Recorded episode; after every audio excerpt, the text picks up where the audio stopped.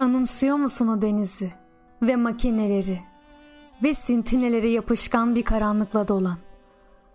Anımsıyor musun var mıydı tek bir tayfa bakışları? Anımsıyor musun?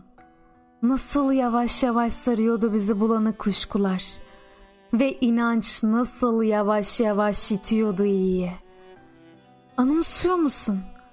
Yaşam nasıl birdenbire ve gösterisiz ele geçirdi bizi. Ama geç kalmıştık, bağlıydık, tutsak edilmiştik bir kere. Dar bir kafese takılmış, yabanıl hayvanlar gibi gözlerimiz parlıyordu hırsla. Parlıyordu merhamet dilenerek. Nasıl da gençtik, nasıl da. Ve sonra gitgide kinle ve acımasızca saplandı hasta yüreklerimize nefret. Kara bir kangren gibi, cüzzam gibi ve yayıldı ve zehirledi ruhumuzu.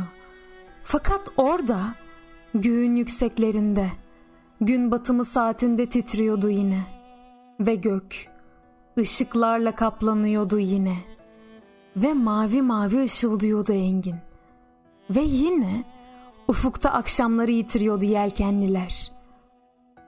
Anımsıyor musun bütün bunları?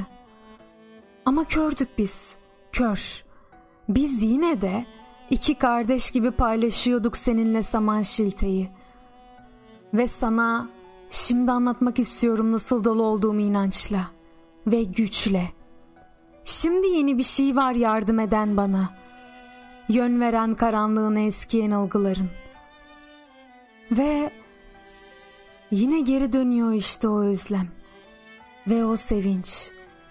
Ve o denizin o kaygısız maviliği rüzgarıyla tropikaların, duygularımızı okşayan.